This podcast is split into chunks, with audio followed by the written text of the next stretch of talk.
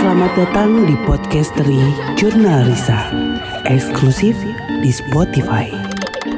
Download Anchor.fm untuk membuat podcast gratis. Assalamualaikum warahmatullahi wabarakatuh. Selamat datang di Podcastery Jurnal Risa. Teman-teman, saya harap dalam keadaan sehat walafiat dan senang, riang, gembira selalu ya karena kalau dengerin podcast jurnalisa tuh moodnya harus bagus. Kenapa? Karena kalau moodnya nggak bagus, kalian bisa terbawa suasana dan pada akhirnya kalian bisa ketemu hantu-hantu yang pernah dan sering kita ceritain entah itu di YouTube ada di podcast ini.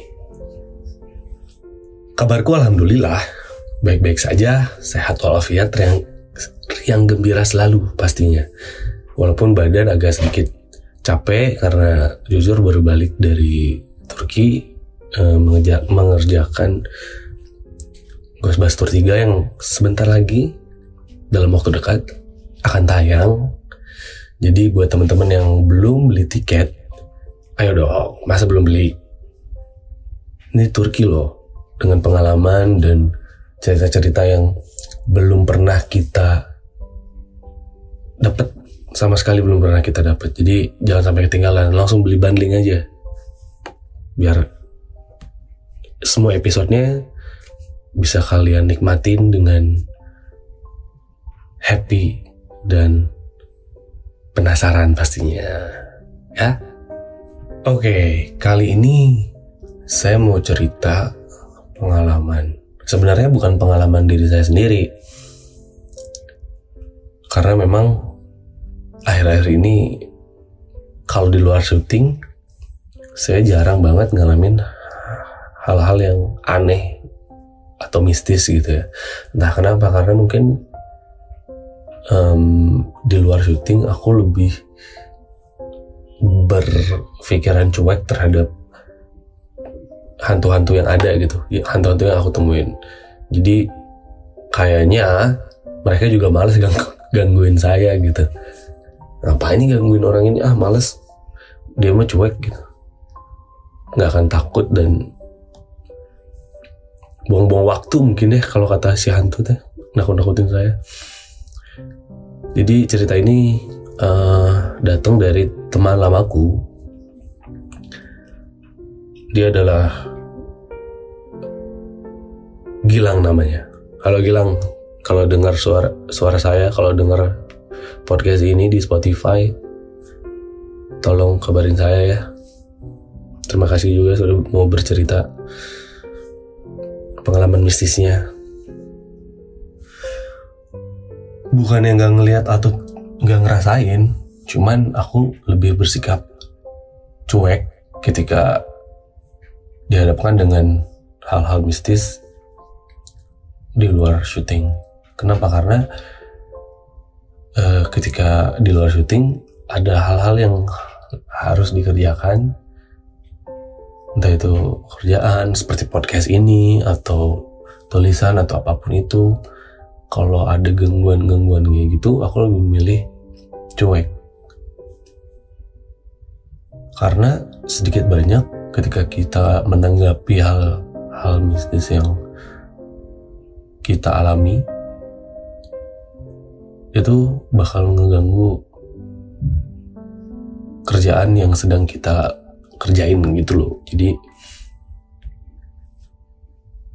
aku mau fokus ke apa yang aku kerjain gitu. Tapi kalau ketika syuting dimulai, aku mempersilahkan hantu-hantu itu datang dan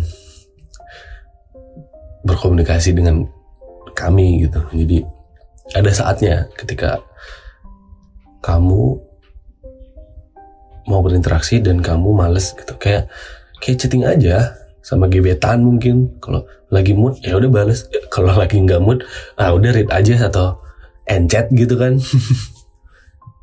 Kejadian ini kira-kira terjadi sekitar tiga tahun yang lalu Gilang bilang. Waktu dia umurnya 22 tahun.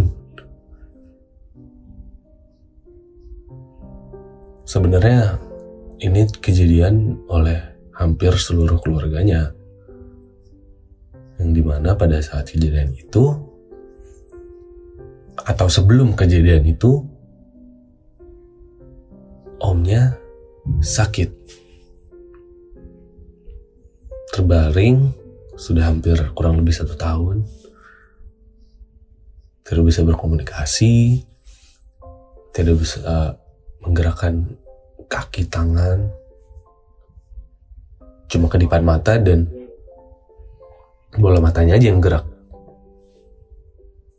Jadi setiap hari pada selama omnya sakit Gilang tuh ketika ketika ada waktu dia jenguk ke rumahnya. Dia suapin dia ceritain dia ajak ngobrol dia hibur. Karena memang Gilang bilang ini adalah om yang paling sayang sama dia. Dari kecil sampai dia de Gilang dewasa omnya yang selalu menghibur Gilang. Jadi dia bilang ya udah sekarang mungkin waktunya saya buat menghibur om. Jadi dia balas budi mungkin ya setahun berlalu kondisi omnya nggak nggak membaik. Malah semakin down semakin turun kondisinya. Dan lebih lagi keluarga yang ada di situ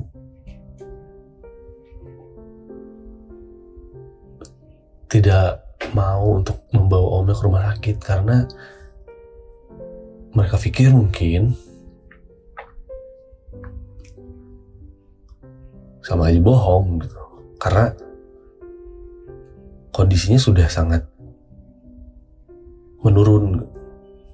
Jadi sudah mereka memilih untuk merawatnya di rumah. Setahun berlalu dan omnya Gilang mungkin sudah tidak kuat menahan sakitnya dan memang sudah kuasa Tuhan maka beliau meninggal dunia saat itu Gilang cerita sedih banget dan ngerasa kehilangan orang tua yang paling dia sayangi selain ibu bapaknya ada orang tua yang sangat menyayangi dia. Nah kebetulan Gilang dan omnya tuh berbeda kepercayaan. Omnya adalah orang India, keturunan India. Jadi proses pemakamannya tuh sangat berbeda dengan dengan kami, dengan Gilang yang memeluk agama Islam uh, prosesnya tuh sangat panjang sampai pada akhirnya abu hasil kremasi omnya tuh disimpan di atas pohon. Jadi selama 30 hari sebelum ditebar abunya tuh harus ada di dalam jangkauan rumah dan setelah meninggal pasti ada semacam sajen gitu yang kayak foto terus dupa kiri kanannya banyak bunga dan ucapan-ucapan belasungkawa gitu kan kalau orang India. Nah beberapa hari setelah omnya meninggal, Gilang dan sepupu-sepupunya yang lain tuh nginap di rumah omnya karena masih dalam rangka berkabung semua keluarga tuh berkumpul di rumah uh, jenazah di rumah orang yang meninggal itu. Sehari berlalu, keluarganya masih sedih. Dua hari keluarganya masih belum bisa menerima. Bahkan Gilang pun masih sangat terpukul dengan ditinggalkannya dia oleh omnya. Nah, pas hari ketiga nih, Gilang tuh nginep sama sepupunya kan, satu kamar sama sepupunya. Mereka tuh mulai ngerasa ada hal-hal yang aneh gitu. Kenapa dari sedih tiba-tiba harus 80 derajat berubah jadi takut. Dengan secara tidak sadar mereka merasakan hal itu gitu. mereka memberanikan diri buat tidur dan ya udah meskipun mereka bersebelahan tidur tapi rasa takutnya tuh nggak hilang gitu pada saat mereka tidur dan sepupunya Gilang itu ngerasain ada orang jalan. Kalau nggak salah Gilang cerita itu tuh jam 2 pagi. Jam 2 apa jam 3 pagi. Ada orang jalan. Lalu perlahan masuk ke kamar. Dan sosok bayangan hitam menyerupai manusia lewat masuk ke kamar sepupunya Gilang tuh sempat bangunin Gilang pada saat itu katanya tapi Gilang gak bisa kebangun. Udah digoyang-goyang, diteriak-teriakin. Lama-lama sosok itu hilang nembus tembok. Gitu katanya. Besokan paginya, sepupunya Gilang cerita kalau dia melihat sosok itu dan Gilang pun merasa percaya tidak percaya gitu. Tapi dalam hatinya Gilang tuh takut juga. Setelah kejadian itu mereka nggak bahas lagi sampai malam berikutnya. Kejadiannya sama persis seperti yang sepupu Gilang lihat. Cuman bedanya adalah pada malam itu Gilang yang kebagian diliatin sosoknya. Di tengah-tengah Gilang tidur, dia ngerasa kedinginan. Dia agak kebangun, dan sosok Omi jelas terpampang nyata di hadapan dia sedang menarik selimut dari bawah kaki Gilang sampai full badan Gilang. Pada saat itu Gilang nggak bisa ngapa-ngapain. Dia cerita kalau perasaan saya pada saat itu campur aduk. Sedih, takut, kangen, dan gak tahu harus ngapain. Jadi pada saat kejadian itu Gilang mematung gak bisa ngegerakin sedikit pun badannya setelah sosok omnya itu meletakkan selimut di badan Gilang sambil tersenyum dia mundur mundur dan hilang di situ Gilang nangis dia cerita. Nangis karena bingung apa yang udah baru aja dia alamin.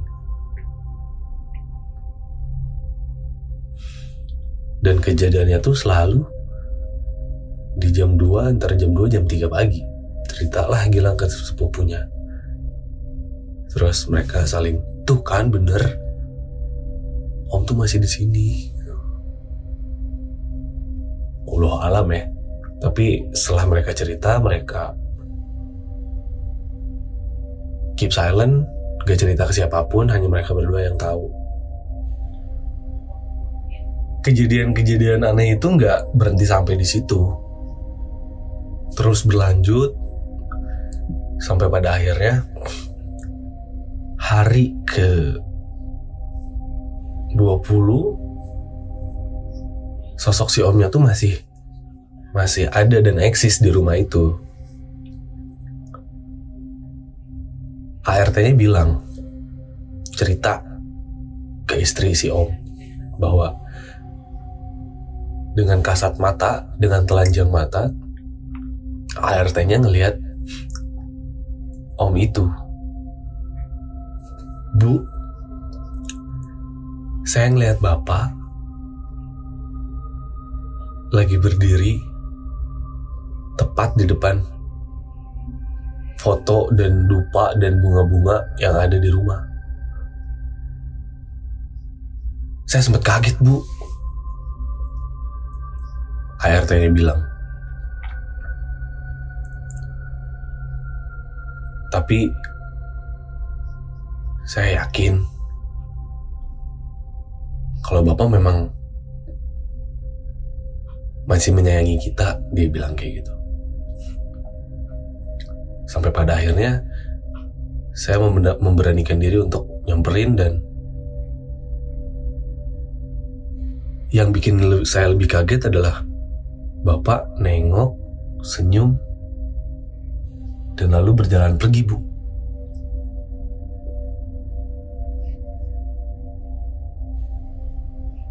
Istrinya si om kaget, jelas kaget. Karena itu hal yang nggak pernah dia denger dari siapa pun bahkan Gilang dan sepupunya pun nggak pernah cerita kalau mereka lihat sosok omnya pada waktu malam itu.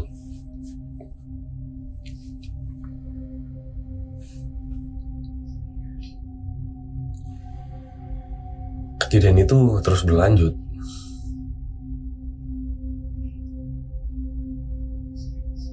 Karena memang kepercayaan mereka aku pun tidak mengerti abu hasil kremasinya tuh selama 30 hari sebelum ditebar mereka simpan di rumah sampai pada akhirnya anak dari almarhum yang paling kecil kurang lebih pada saat itu umurnya baru 2 atau 3 tahun dia selalu nunjuk ke arah abu yang disimpan di atas pohon itu dan selalu bilang papi papi bye papi dadah papi I love you papi.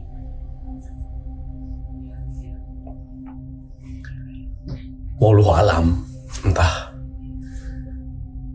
entah itu memang sosok yang sebenarnya atau sosok-sosok lain yang menyerupai dan memanfaatkan situasi sehingga dia bisa terlihat eksis bahkan bisa sampai di menakuti orang-orang yang melihatnya gitu kan. Karena memang kejadian seperti ini tuh bukan kejadian pertama yang pernah aku dapat gitu kan. Kayak tetangga teman-teman yang lain bahkan kami pun tim jurnalisa dan keluarga pernah ngalamin hal itu. Dulu dulu banget. Mungkin kalau kalian pernah dengar podcastnya atau pernah kita bahas di YouTube. Aku nggak mau nyebutin namanya siapa karena itu sangat sensitif. Aku nggak mau lagi sosok itu datang dan mengganggu keluarga atau tim jurnalisa yang lain. Karena memang ketika kita bahas sosok itu tidak lama kekacauan mulai muncul dan itu sangat mengganggu dan seharusnya tidak tidak usah terjadi dan nggak penting gitu loh. Jadi mending kalian tonton aja sendiri deh atau denger aja sendiri deh cerita apa yang aku maksud.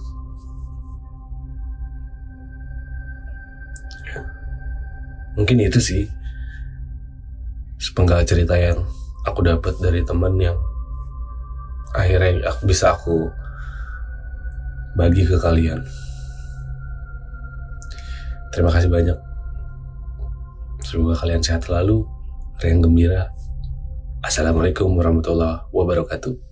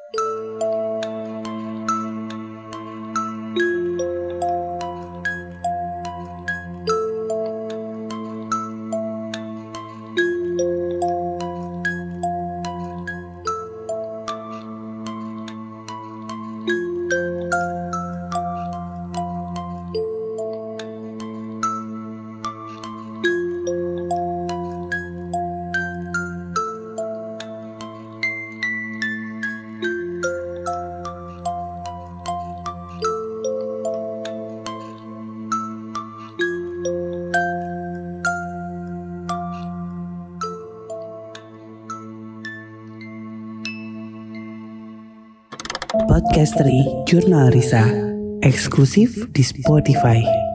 Download Anchor.fm untuk membuat podcast gratis.